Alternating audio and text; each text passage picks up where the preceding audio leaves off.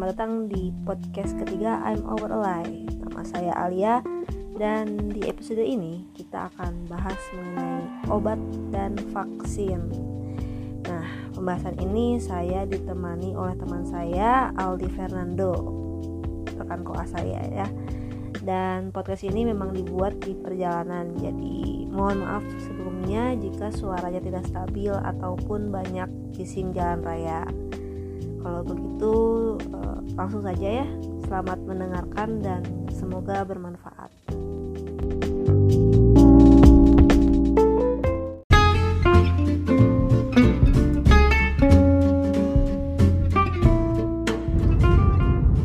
Jadi sekarang ada teman kita Aldi. Aldi bilang hai dulu. Eh, hai. Hmm, jadi kan kita mau ngomongin tentang apa tadi di? Tentang apa ya perspektif tentang pengobatan tradisional dan modern di masyarakat kita.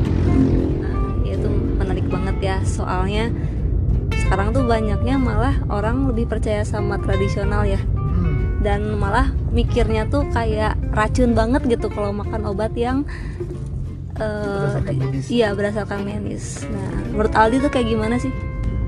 Sebenarnya gini ya. Ceritanya nih gua mau cerita dari awal nih. Dulu waktu Boleh, SMA nih, sejarah awalnya. Kenapa gua concern banget sama topik ini? Menarik menarik. Karena gini nih, waktu dulu, waktu SMA, gua tuh kan pernah nggak sengaja eh, matahin tulang, tulang kaki. Hmm, Tapi nggak tahu tuh kaki eh, apa ya, itu tuh ter- hmm, patah gitu.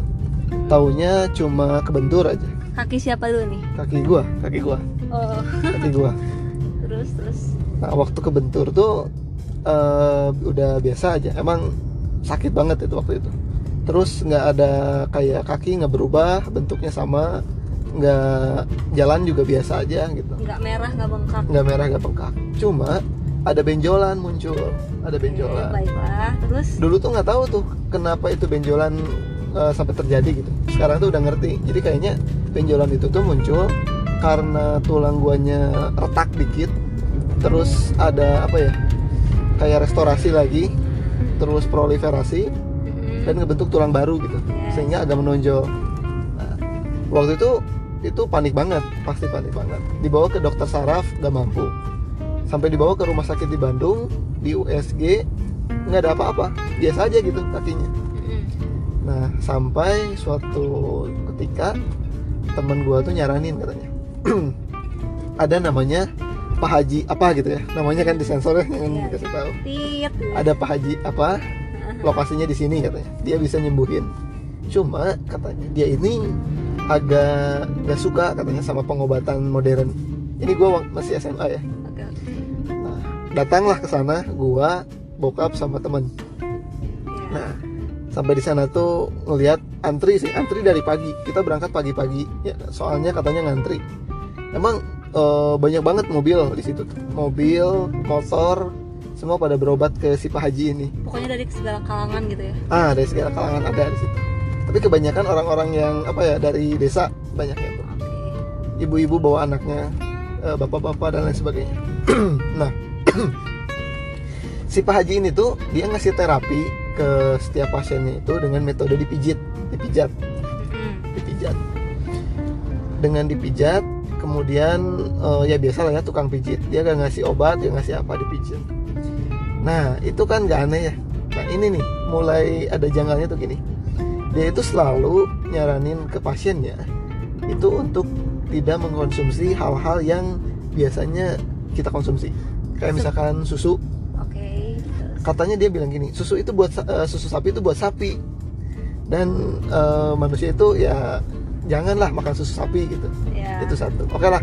Itu eh, dia tuh tiap kali mijit dia lagi mijit dia tuh sering nasehatin pasiennya kayak gitu. Makanan misalkan. Jangan makan makanan yang kayak ciki-ciki kayak gitulah ya snack-snack kecil gitu. Nah lama kelamaan ah, mulailah dia menyinggung masalah medis modern.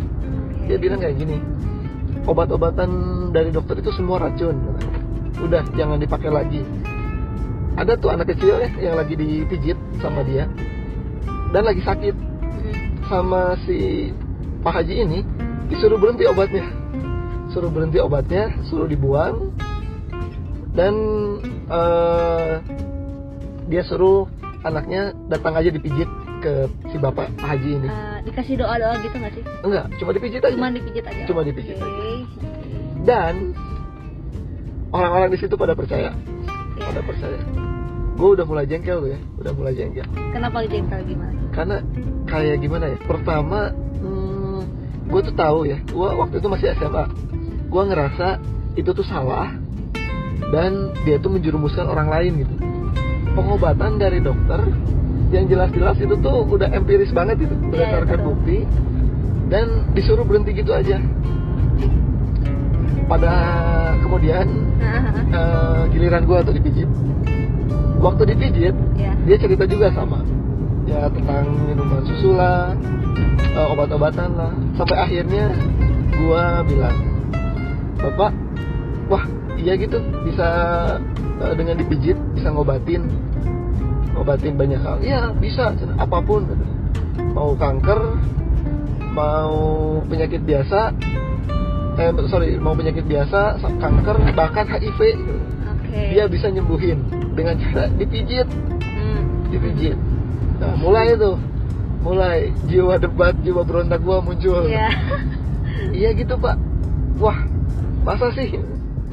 Kan eh, dijelasin tuh. Dia juga mm, dijelasin bahwa ada pasien Ah. yang katanya imunnya nol katanya. Atau HIV katanya. Hmm. Dia pijit berkali-kali dan sembuh. Dia bilang kayak gitu ya. Hmm. ada dari Jakarta katanya. Kemudian oke kita ke topik yang eh, lain yang dia bahas itu tentang vaksin. Dia tuh Hmm. anti banget sama vaksin. Vaksin sama obat-obatan modern. Dibilang karena itu racun. Racun. Terus gue jelasin tuh pak kalau setahu saya itu kalau obat-obatan itu kan dia itu ekstrak dari tumbuh-tumbuhan.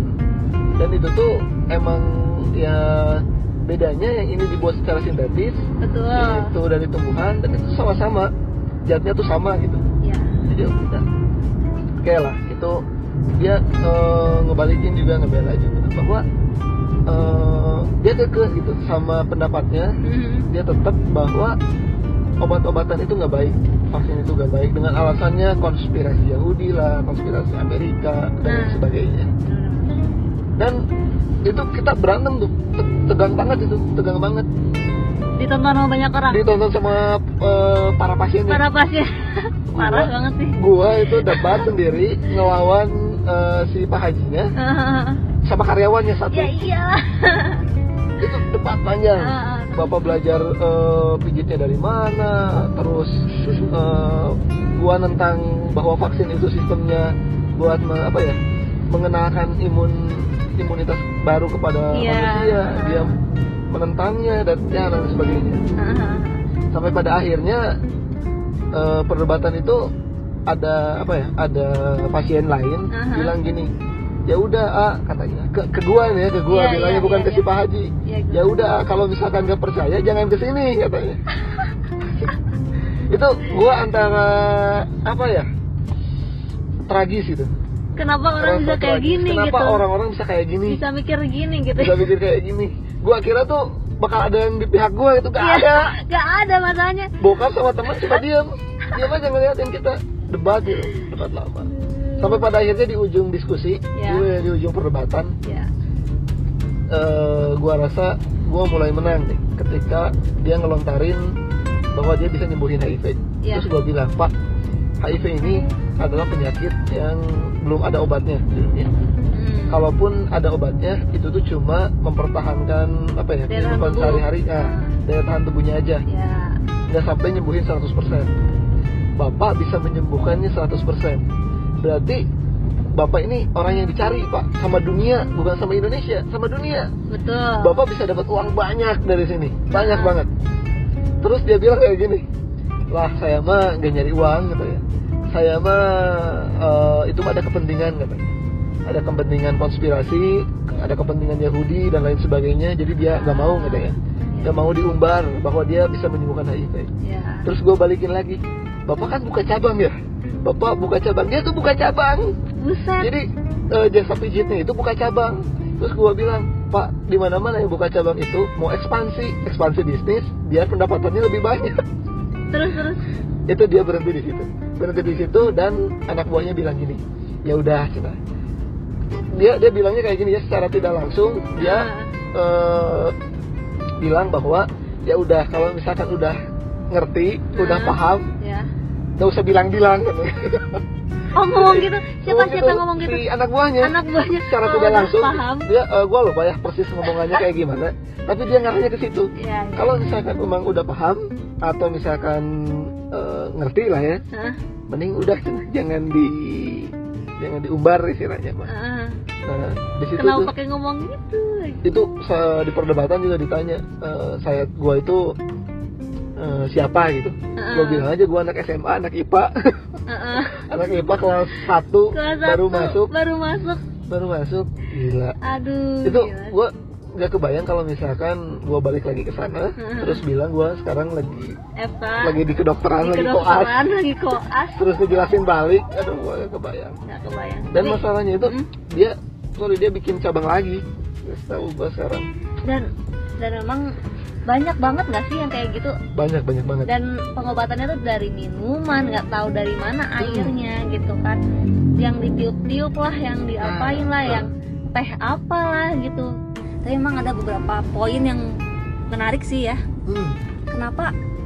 Makan obat rasanya kayak racun banget gitu. Obat padahal kan obat dari tumbuhan-tumbuhan juga nggak sih? Nah dari tumbuhan juga. Dan tumbuhan tuh supaya bisa ngasih efek yang sama-sama obat tuh harus berapa puluh dulu gitu. Mm-mm, betul jadi betul. biar dapat kandungan yang sama dengan satu butir obat. Nah nah itu yang harus orang-orang tahu sebenarnya nggak sih benar dulu tuh kan paracetamol itu nih contoh nih paracetamol paracetamol ya ada satu tumbuhan di mana zatnya itu sama kayak paracetamol iya Cuma sekarang tuh tumbuhannya emang udah gak ada karena emang udah jarang dibudidayakan. Dulu tuh misalkan nih buat dapat 500 gram paracetamol tuh butuh satu karung. hmm, hmm. Sekarang para ilmuwan tuh udah tahu gitu bentuk struktur kimianya kayak gimana. Jadi mereka tinggal sintesis aja bentuk bentuk serupa. Dan bentuk 500 eh, apa ya jika kita pengen paracetamol 500 mg lagi 500 gram misalkan atau 500 Hmm. mg oh, sorry 500 mg Hmm, itu nggak perlu lagi kita ngambil tumbuhan itu satu karung gitu. Iya. Bayangin lu harus minum obat satu apa ya tumbuhan, satu karung satu karung. baru bisa punya efek yang baru sama. efek yang sama dengan 500 gram yang bisa masuk ke dompet. Iya betul. Terus Dan- kan eh, Heeh. gimana? dengan dengan kayak gitu kan sekarang dengan sintesis nih. Heeh. obat ini kan diperuntukkan bagi orang-orang yang sakit. Orang-orang yang sakit itu tidak memandang kaya dan miskin. Mending kalau misalkan dapat eh, apa yang sakitnya orang kaya.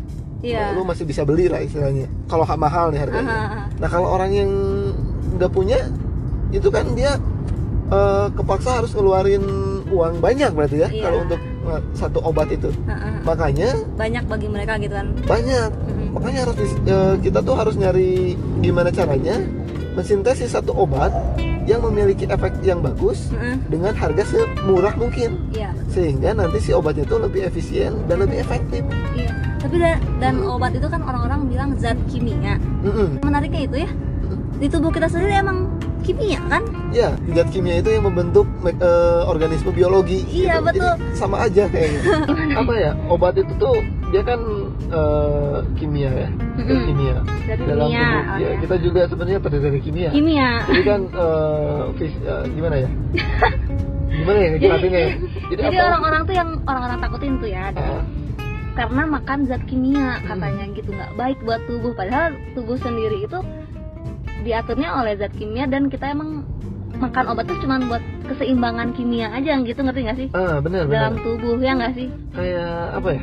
Jadi kalau misalkan secara struktur struktur hierarki nih hierarki. Heeh, di mana misalkan matematika itu sebagai bahasa alam semesta misalkan ya. Dia itu mengatur eh, gerak hmm, apa ya partikel. Atau misalkan eh, apa ya namanya tuh kayak kayak atom lah ya istilahnya. Iya, iya, iya. atom eh, partikel-partikel kecil gitu. Itu kan kita pelajarin itu di fisika secara fisika. Mm-mm. ada medan magnet. Nah nanti dia berkembang tuh bergabung bergabung membentuk kimia. Yang kita sebut kimia. Yang kita Ya, sebut yang kimia. kita sebut kimia. Kayak gimana ya? Gabungan antara atom-atom membentuk suatu compound gitu. Nah itu tuh kimia habis Iya. dari situ compound itu kan nanti bergabung bergabung bergabung yang pada akhirnya jadi biologi yang kita Iya. sebut biologi itu dari situ gitu biologi itu adalah kehidupan ya Kehidupan. kalau bahasa awamnya tuh Nah, kayak yang tersusun dari kimia makhluk hidup gitu Makhluk kan hidup. itu tuh semua sebenarnya kimia jadi jangan bukan jangan takut makan kimia ya tapi Heeh. kalau memang kita butuh tubuh kita memang kan kalau namanya sakit kan berarti ada ketidakseimbangan kimia Mm-mm. ya kita makan obat supaya nanti kita mencapai keseimbangan itu ya nggak sih? Keseimbangan itu kan keseimbangan balance. Balance yang jadi buruk itu ketika berlebihan. berlebihan. Nah makan obat itu bukan berarti jadi berlebihan ya nggak sih? Ah, malah mencapai titik keseimbangan. Titik keseimbangan. kita berusaha Kalau- kalau misalnya kita berusaha dari makan tumbuhan. Kayaknya kurang gitu untuk karena kan kita emang sakit gitu ya Mm-mm. berarti kan butuh banyak kimia itu gitu kan untuk zat yang emang zat- kita butuhkan gitu. yang emang kita butuhkan gitu jadi jangan ragu buat makan obat kalau memang butuh Ini yang menarik nih di gimana vaksin gimana ya vaksin. Nah, nah ini Jadi eh, sekarang ini kan kita emang banyak bertentangannya antara penggunaan vaksin pak- pakai vaksin atau nggak pakai vaksin gitu. ya ya ya. Bahkan temen gua nih ya jurusan biologi Iya. Dia penentang vaksin. Hmm, dia jurusan biologi. Jangankan jurusan biologi jurusan kedokteran pun ada iya betul betul betul betul. Sampai dosennya bilang saya telah gagal katanya mendidik anda. Hmm, karena tidak percaya eh, jadi apa ya ikut-ikut konspirasi kayak gitu. ya gimana tuh ceritanya tuh? Nah, vaksin tuh eh, gini sebenarnya kan dia itu fungsinya untuk mengenalkan sistem eh, apa ya mengenalkan patogen anti apa ya antigennya terhadap antibodi eh, terhadap sistem imun kita ya supaya kita bisa menghasilkan antibodi atau juga udah siap gitu melawan si penyakit itu kalau misalkan itu nanti datang. ya betul Nah, oh ya ini nih gua ingat. Kadang-kadang orang bilang eh, si anti vaksin nih, orang-orang anti vaksin bilang gini. Tuhan itu, Allah itu sudah menciptakan kita dengan sempurna. ya baik Makanya tidak perlu lagi katanya vaksin-vaksin gitu ya. Nah, Karena eh, sistem imunnya ada di dalam diri sendiri. Ya, memang betul kayak gitu. betul betul banget Cuma kalau ini perspektif gua nih ya, betul. Allah itu kan menciptakan kita sempurna Hmm, eh itu dengan pemikiran juga kayak misalkan gini ketika lu lapar pasti lu mikir kan ya Iya. nyari makan nah itu kita udah sempurna tuh ketika kita butuh sesuatu kita eh, jika misalkan belum ada nih dalam diri kita Mm-mm. kita bakal nyari buat Kita ber- ngelengkapin ya betul betul. Nah sekarang sistem imun kita nih ketika nangkal penyakit-penyakit biasa oke lah masih bisa. Kita masih bisa nangkal. Ketika tapi ketika ngelawan penyakit-penyakit yang luar biasa nih Hmm, yang kayak misalkan hepatitis lah atau apa ya kayak TB lah ya. dan lain sebagainya. Itu kalau sistem imun kita masih belum belum mapan lah istilahnya bisa bisa goyah. Cuma kita bisa ngandalin pikiran kita. Ya kita bisa mengandalkan ilmu pengetahuan yang emang apa ya fungsi luhur manusia gitu. Ya betul. Fungsi eh, apa ya kecerdasan manusia Ya. dengan cara membuat vaksin. Betul. Jadi kita ini emang udah sempurna gitu. Nah itu caranya dengan membuat vaksin itu udah menandakan bahwa kita ini manusia diciptakan sempurna dengan memiliki akal eh, pikiran. akal pikiran. Dan yang menurut saya menarik ya Hmm. itu tuh kan kita sebagai manusia disuruh berlatih berkuda Hmm. berlatih berenang ya Hmm. dan memanah kan Nah, intinya apa buat bisa ngelawan musuh kan hmm. ya tubuh kita juga punya pasukan-pasukan yang emang udah Allah siapin Hmm. yang harus dilatih ya nggak sih Nah, betul. gimana betul. cara latihnya Dengan cara vaksin. vaksin. itu loh Gue gue setuju banget. Dan eh, kebanyakan nih eh, sebenarnya tragedi kita ini Hmm, di masyarakat di Indonesia. Oke lah, kalau misalkan ibu-ibu, bapak-bapak yang sorry sorry nih pendidikannya misalkan di bawah nih hmm, masih rendah, mereka percaya bahwa eh, vaksin konspirasi dan lain sebagainya.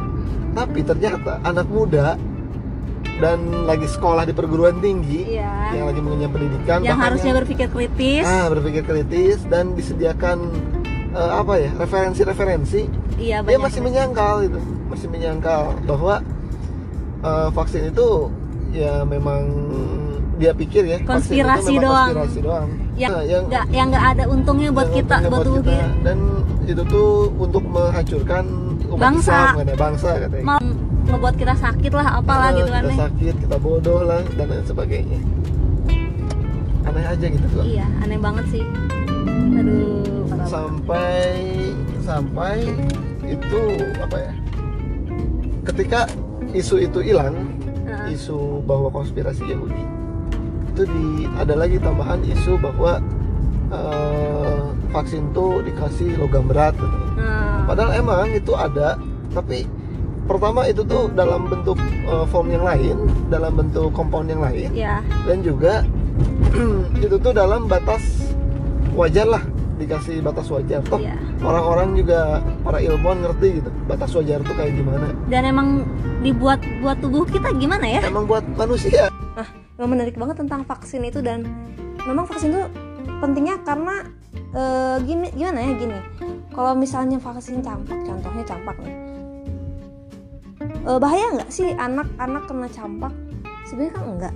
Cuman kenapa mereka dikasih? Karena kalau misalnya cam anak anak dengan campak ngasih nularin ke ibu-ibu hamil nah itu ibu hamil tuh bisa keguguran bisa jadi anaknya jadi cacat berat. Bener deh parah banget deh.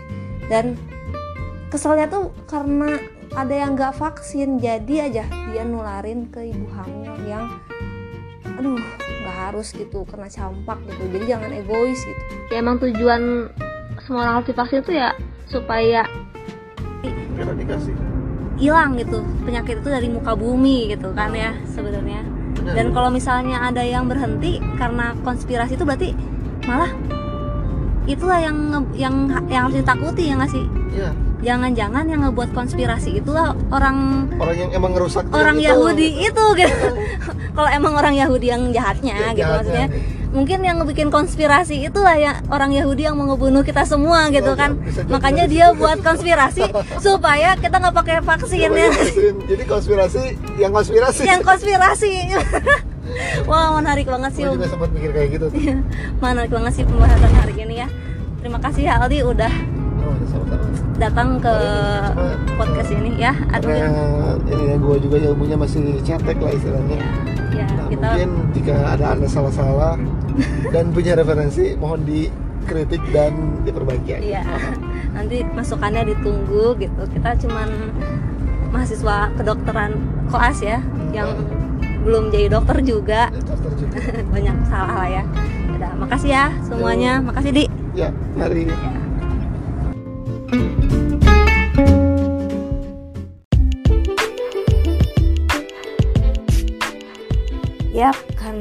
Tuhan memang menitipkan badan kita kepada kita untuk diurus dan dilatih agar kuat.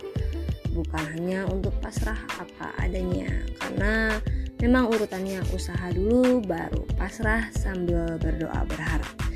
Dan usahanya itu memang macam-macam, tentunya sesuai keyakinan masing-masing. Yang pasti satu, harus dengan memaksimalkan akal pikiran yang kita punya yang merupakan modal utama yang telah Tuhan kita kasih. Penggunaan akal pikiran yang paling baik itu tercapai dengan penelitian, apalagi jika dilakukan oleh para ahli dan didapatkan fakta yang terbukti, sehingga tidak ada salahnya kita memanfaatkan hasil dari akal pikiran tersebut sebagai ikhtiar. Tentunya bukan sembarangan, tetapi dengan pertimbangan keuntungan harus lebih banyak daripada kerugian. Jadi, pastinya harus dengan arahan yang memang mempelajari dalam bidangnya. Kalau misalnya obat, ya dengan saran dokter. Jadi nggak sembarangan. Jika kita masih sulit percaya dengan para peneliti yang sudah mendedikasikan hidupnya sebagai peneliti, kalau begitu sebaiknya kita menjadi peneliti dan telitilah sendiri jika memang hanya dengan seperti itu jadi paham faktanya. Jika tidak, mau sampai kapan kita akan terus terperangkap dalam pemikiran zaman dahulu sebelum akal pikiran bisa berkembang jauh seperti sekarang. Jangan lupa untuk tetap mengupgrade diri dengan pengetahuan dan bisa juga dengan vaksin. ya, maksudnya agar kita kuat melawan hoax dan penyakit-penyakit menyebalkan lainnya. So don't forget to love yourself. Jangan mau dibodohi, jangan mau sakit kalau bisa sehat dengan cara yang tepat. Cheers.